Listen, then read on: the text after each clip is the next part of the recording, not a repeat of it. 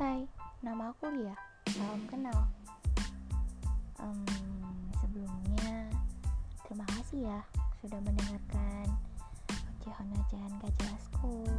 Ya, gitulah. Maaf ya kalau banyak kurangnya juga. Karena ini aku baru pertama kali buat. Maklum